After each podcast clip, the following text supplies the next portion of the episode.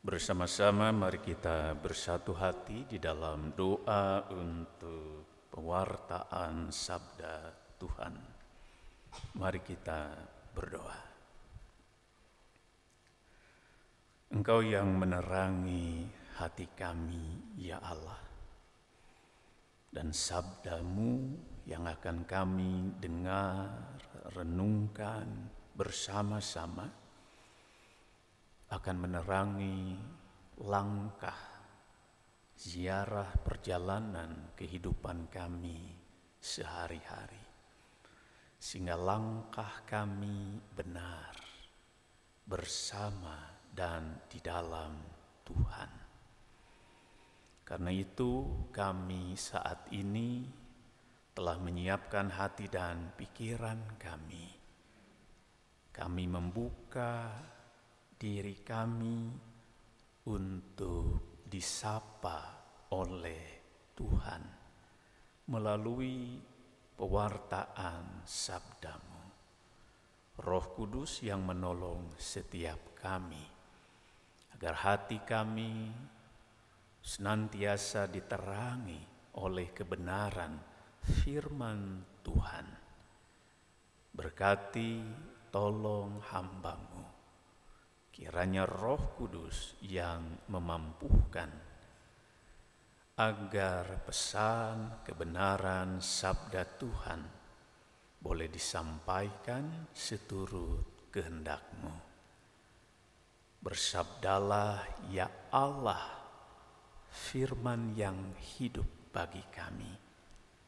Sebab setiap kami telah siap dan sedia untuk mendengarkannya. Amin.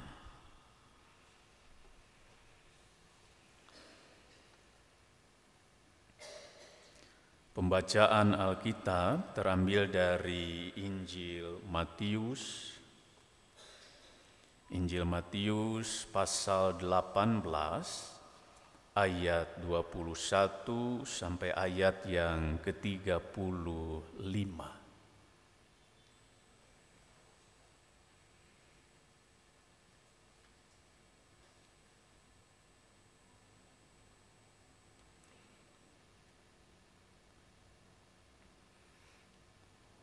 Matius 18 ayat 21 sampai 35. Saya akan membacanya dalam Alkitab terjemahan baru edisi kedua. Perumpamaan tentang pengampunan.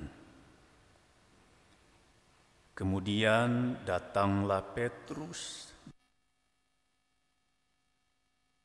Tuhan, sampai berapa kali aku harus mengampuni saudaraku jika ia berbuat dosa terhadap aku? Sampai tujuh kali? Yesus berkata kepadanya, "Bukan, aku berkata kepadamu." bukan sampai tujuh kali, melainkan sampai tujuh puluh kali tujuh. Sebab kerajaan surga seumpama seorang raja yang hendak mengadakan perhitungan dengan hamba-hambanya. Setelah ia mulai mengadakan perhitungan itu, Dihadapkanlah kepadanya seorang yang berutang sepuluh ribu talenta. Karena orang itu tidak mampu melunasi utangnya, tuannya itu memerintahkan supaya ia dijual beserta anak istrinya dan segala miliknya untuk pembayar utangnya. Lalu sujudlah hamba itu menyembah dia. Katanya, sabarlah dahulu, semuanya akan kulunasi. Tergeraklah hati tuannya oleh belas kasihan, sehingga ia membebaskannya dan menghapuskan utangnya. Ketika hamba itu keluar, ia bertemu dengan seorang hamba lain yang berutang seratus dinar kepadanya. Ia menangkap dan mencekiknya, katanya, bayar utangmu. Sujudlah kawannya itu dan memohon kepadanya, sabarlah dahulu, utangku itu akan kulunasi. Namun ia menolak, lalu pergi dan menyerahkan kawannya itu ke dalam penjara sampai ia melunasi utangnya. Melihat itu, hamba-hamba yang lain sangat sedih, lalu menyampaikan segala yang terjadi kepada tuan mereka. Kemudian tuan itu menyuruh memanggil orang itu dan berkata kepadanya, "Hai hamba yang jahat, seluruh utangmu telah kuhapuskan karena engkau memohon kepadaku. Bukankah engkau pun harus mengasihani kawanmu seperti aku telah mengasihani engkau?" Tuannya itu pun marah dan menyerahkannya kepada Algojo-Algojo sampai ia melunasi seluruh utangnya. Demikian juga yang akan diperbuat oleh Bapakku yang di surga terhadap kamu. Apabila kamu masing-masing tidak mengampuni saudaramu dengan segenap hatimu. Demikianlah firman Tuhan. Yang berbahagia adalah setiap kita yang mendengar, memelihara, dan melakukan dalam kehidupan kita setiap hari. Haleluya.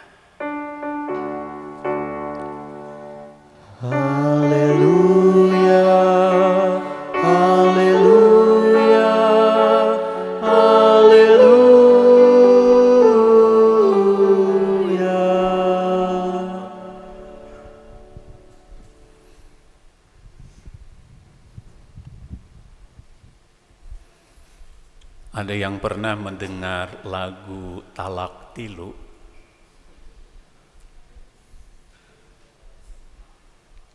Ini dari Bungsu Bandung. Lagunya kira-kira seperti ini. Nanti saya coba terjemahkan. Nyeri nyeri nyeri mual benang di ubaran kajentut tumparan paih gete panasaran mengpengora kene mempengurang can batian. Pegera serah talak tilu sakalian. Jadi nyeri nyeri nyeri itu sakit dan sakitnya ini mual benang di ubaran. Sakitnya ini eh, tidak mungkin terobati tidak mungkin bisa dipulihkan, tidak mungkin bisa disembuhkan.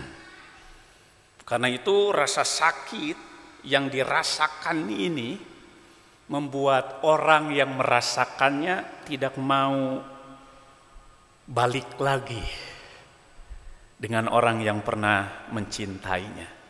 Tidak mau kembali lagi kepada pasangannya. Cukup sudah sampai di sini aku pergi. Kira-kira seperti itu. Daripada menyatu kembali, mendingan paeh. Saudara-saudara yang dikasihi oleh Tuhan Yesus Kristus, dina nyeri bisa seri, dalam sakit masih bisa tersenyum, susah Dina nyeri masih bisa seri susah. Karena kalau orang merasakan sakit hati, maka senyuman itu biasanya hilang. Orang tidak bisa lagi tersenyum, apalagi tertawa, terbahak-bahak. Kalau ada nyeri, sakit di sini.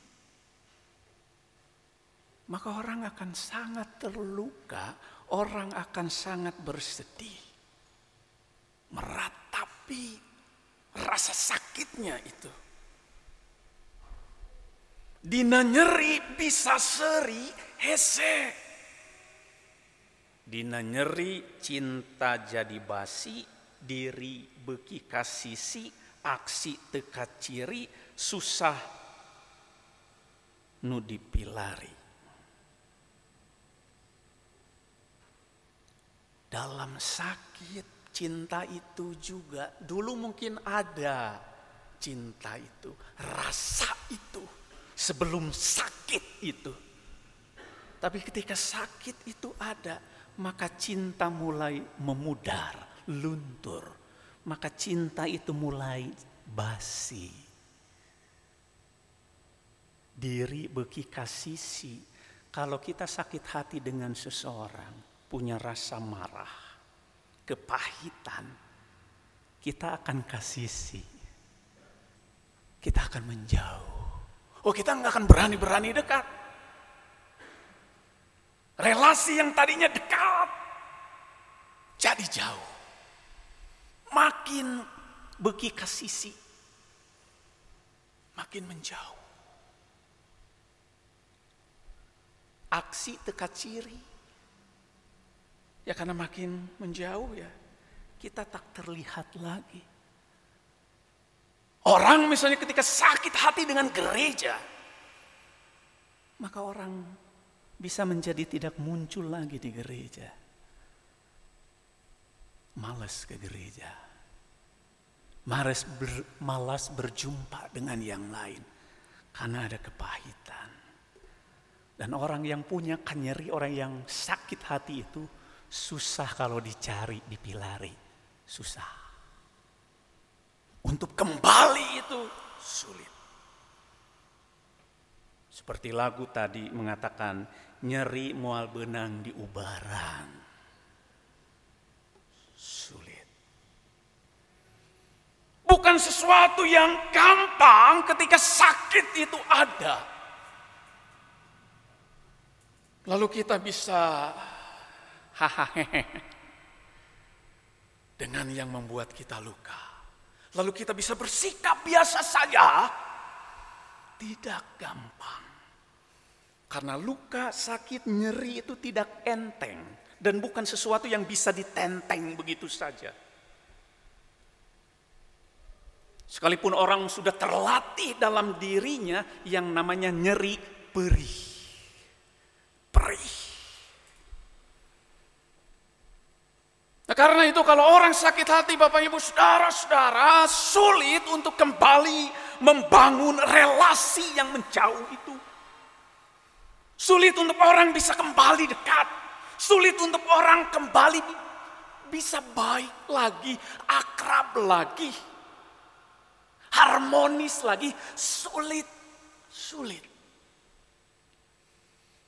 Ketika sakit itu Apalagi sudah berubah menjadi benci, dendam. Makanya orang Sunda ada ungkapan cadu aing mah ngahampura manehna. Najan pae cadu. Ini kata-kata yang teramat-amat kasar. Menjadi sesuatu yang semacam sumpah Enggak sekali-kali aku enggak mau baikan dengan dia. Sekali-kali cat, enggak mau, enggak mungkin. Bacaan kita hari ini Bapak Ibu Saudara-saudara. Justru menggambarkan bahkan mengajak setiap kita untuk belajar mengampuni. Tentu mengampuni itu mengampuni orang yang kita anggap bersalah. Mengampuni orang yang menyakiti kita. Mengampuni orang yang mengkhianati kita. Mengampuni orang yang tidak berbuat baik kepada kita. Dan hari ini kita diajak mengampuni.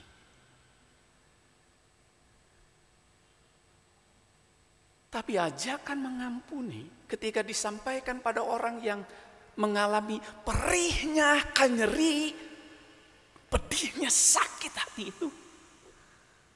Cek orang sudah mah mau didenge. Pak pendeta nggak ngerasain sih. Gimana saya sakit hatinya sama dia. Pak pendeta enak saja bilang ngampuni, maafkan. Pak pendeta nggak ngerasain. Pak penatua nggak merasakan. Saya yang sakit hati. Bukan bapak, bukan ibu.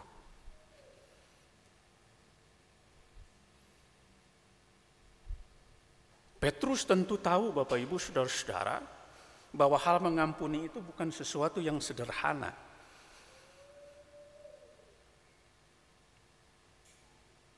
Dan bagi orang Yahudi, oh kalau sudah bisa sampai tujuh, maka sempurna. Maka kalau sudah bisa tujuh kali mengampuni, maka itu sesuatu yang wah, luar biasa. Sesuatu yang seolah-olah patut diacungi jempol. Oh tujuh kali loh, luar biasa.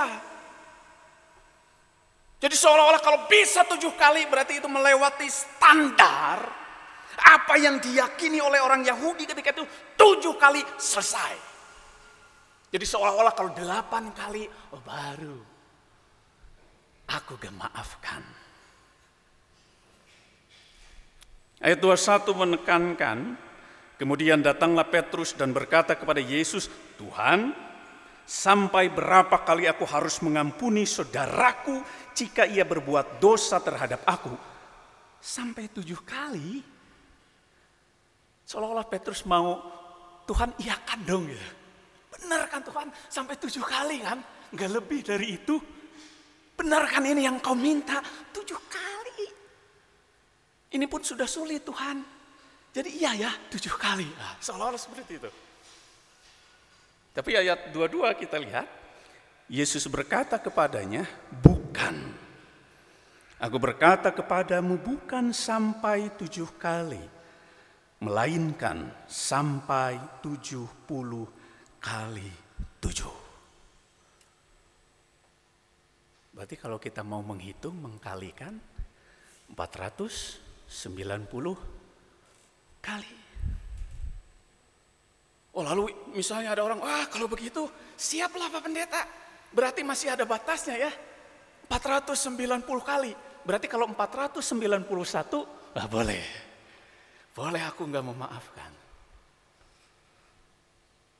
Prakteknya Bapak Ibu Saudara-saudara, bisa kita sampai 490? Atau bisa sampai tujuh kali?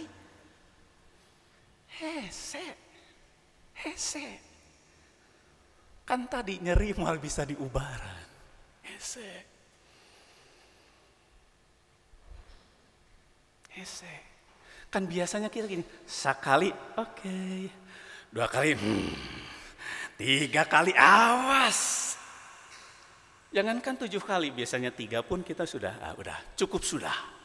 Pak Pendeta, kalau saya terus memaafkan, tuman kalau orang Sunda bilang tuman Pak Pendeta kebiasaan kali ini saya harus bertindak tegas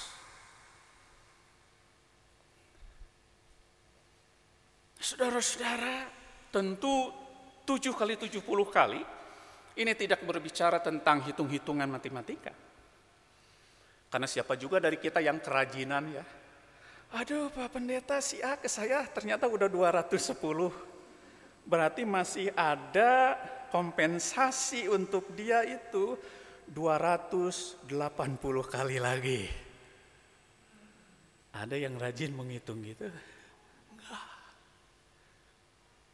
Tetapi maksud dari firman Tuhan, Bapak Ibu Saudara-saudara, bahwa dalam cinta kasih Allah dan anugerah kasih itu seharusnya selalu ada ruang yang terbuka untuk kita mampu mengampuni, mampu dan mau mengampuni sampai kapan pun. Tidak dihitung satu, dua kali, tujuh kali, empat ratus sembilan puluh kali. Seharusnya kita selalu bisa membuka ruang untuk pengampunan itu dinyatakan. Untuk kita memaafkan sesama.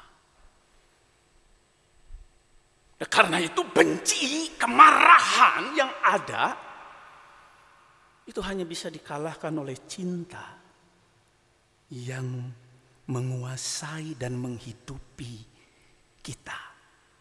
Ketika kita mengalami merasakan cinta kasih pengampunan Kristus Yesus melalui pengorbanannya. Maka setiap kita seharusnya semakin disadarkan kalau Allah saja mengampuni aku kita yang berdosa ini dan mengorbankan dirinya dalam Yesus Kristus.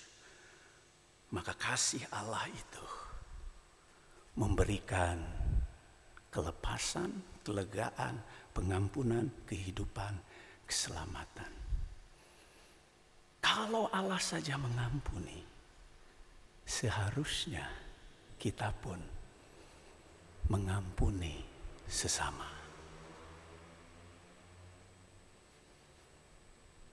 Dan orang yang mengampuni tentu punya cinta yang besar. Bukankah Gusti Tuhan adalah sosok yang dedeh kanu geleh. Dedeh. Dedeh itu cinta, sayang, nyaah, kanu geleh. Kita tahu ya geleh itu. Sesuatu yang ya ruji tidak baik, kotor, bahkan bau itu menggambarkan dosa kita, pengkhianatan kita. Dan Allah mengasihi orang yang geluh tadi, orang yang berdosa itu. Karena cintanya jauh melebihi, cintanya lebih besar dari kesalahan tiap kita. Dan karena itu dalam perumpamaan tentang pengampunan ini kemudian Yesus menceritakan. Wah ada yang berhutang. Hutangnya diceritakan eh, sangat besar. Pintar kodek kan apa ya bisa sorangan itu ya. Mau diberi enggak mau memberi. Mau dilayani enggak mau melayani. Mau diberkati enggak mau hidupnya jadi berkat Mau diampuni nggak mau mengampuni, mau mengkritik nggak mau dikritik. Nah, itu itu pinter kodek. Gitu. Ukurannya selalu dirinya. Gitu. Kabatur nitah ngaca tapi dirinya tidak pernah bercermin. Tapi ke orang lain, kamu harus bercermin dong. Lihat salahmu, lihat uh, apa yang keliru dari kamu. Tapi dirinya tidak mau bercermin. Gitu. Nah, karena itu orang yang seperti ini biasanya ngacak sasama, nincak dulur, nyepak batur, nyentak baraya. Daek macok mung dipacok. Wah ini ini bahaya. Dan hamba tadi yang jahat itu menggambarkan seseorang yang seperti itu. Atau Bapak Ibu Saudara-saudara, jangan-jangan kita seperti itu.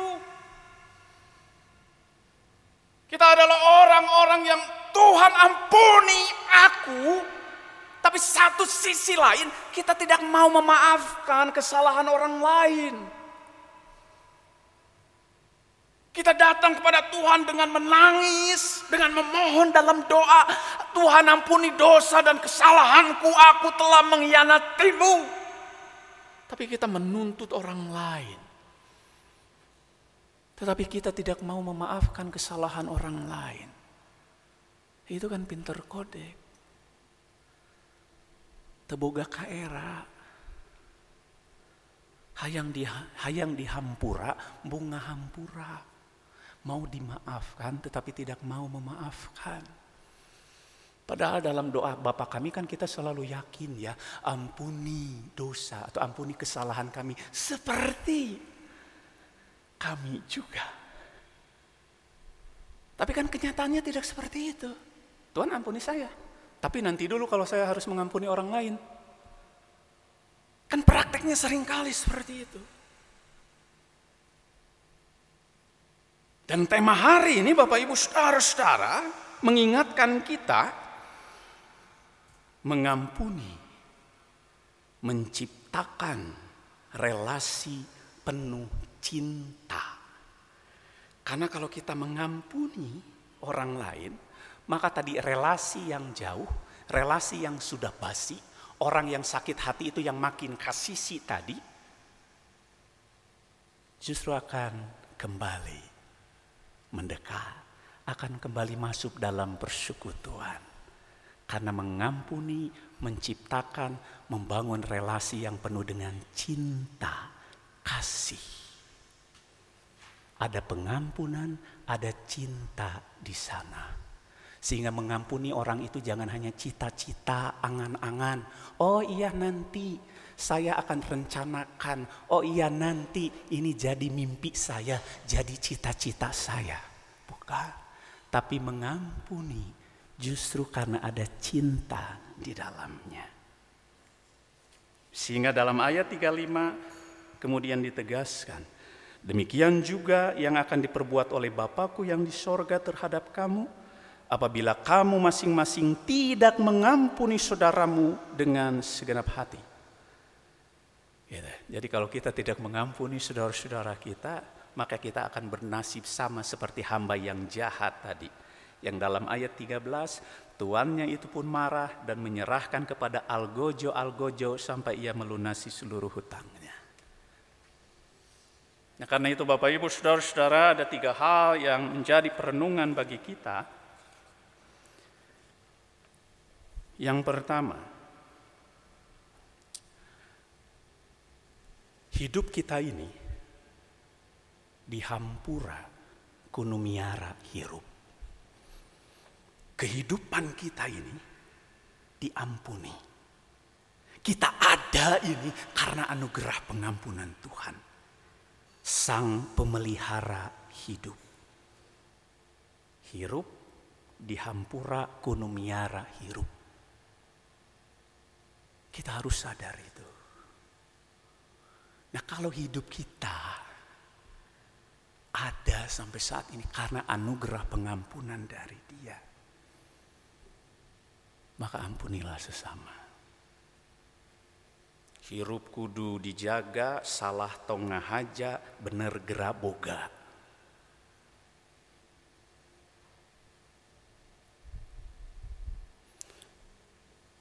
Yang kedua,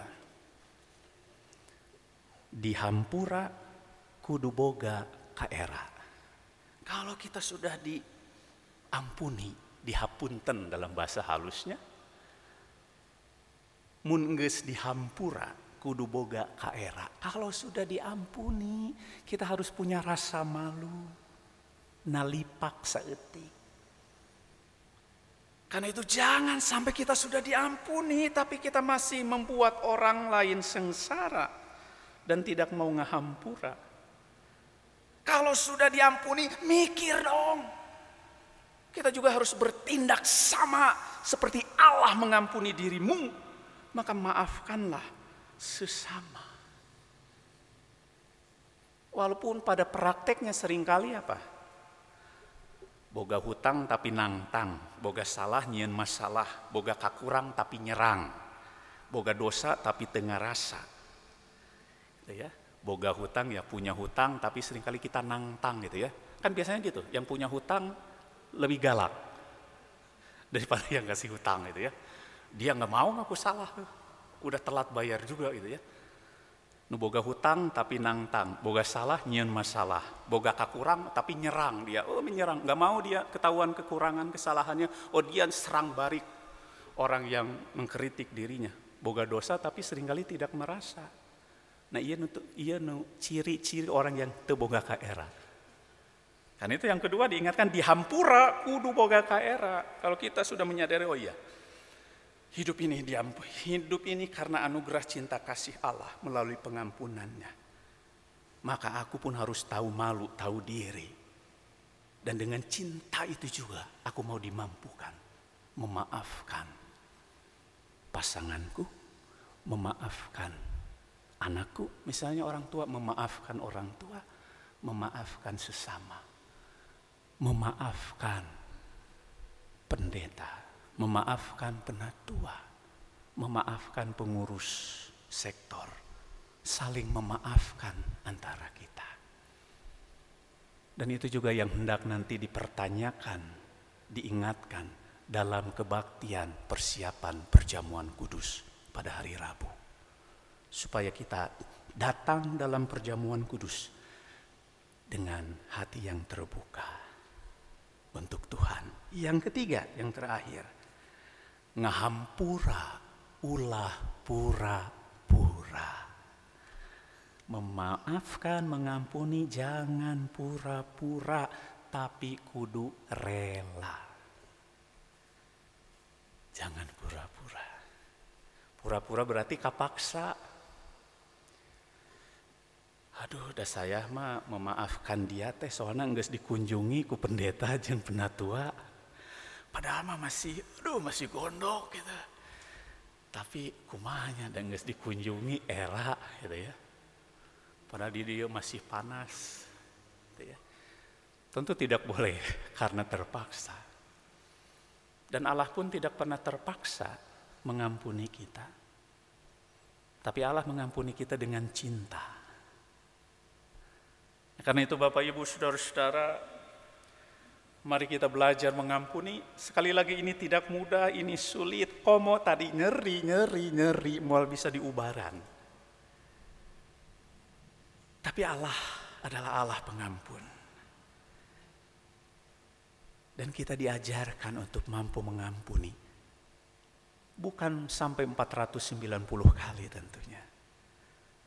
Tetapi selama kehidupan itu dianugerahkan Tuhan, selama kita merayakan cinta kasih pengampunan Tuhan, maka belajarlah terus-menerus mengampuni.